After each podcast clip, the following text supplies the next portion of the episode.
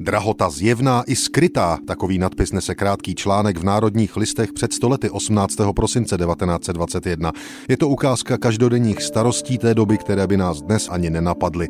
Drahota zjevná a skrytá je pocitována denně tisíci a tisíci rodinami i svobodnými muži, kteří si ráno vaří snídani a užívají k tomu tekutiny opravdu dvakrát prokleté, totiž lihu.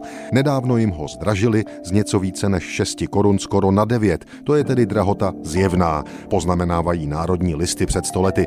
Ty zároveň ale upozorňují na mnohem horší souvislost. Českoslovenští občané si začali všímat podezřelého faktu. Voda na kávu nebo na čaj se jim ráno na lihovém vařiči začíná vařit později, než byli zvyklí.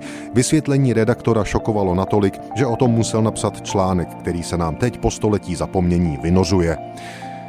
V tomto případě nejde o psychu kolektivní, nýbrž přímo individuální. Plamen už není ten starý plamen, protože líh už není ten starý líh, nýbrž je v něm hanebně mnoho vody, a to je tedy drahota skrytá, dvojnásob nesympatická, protože je podměšilá, jako ten špinavě zelený plamen, který křtěný líh vydává.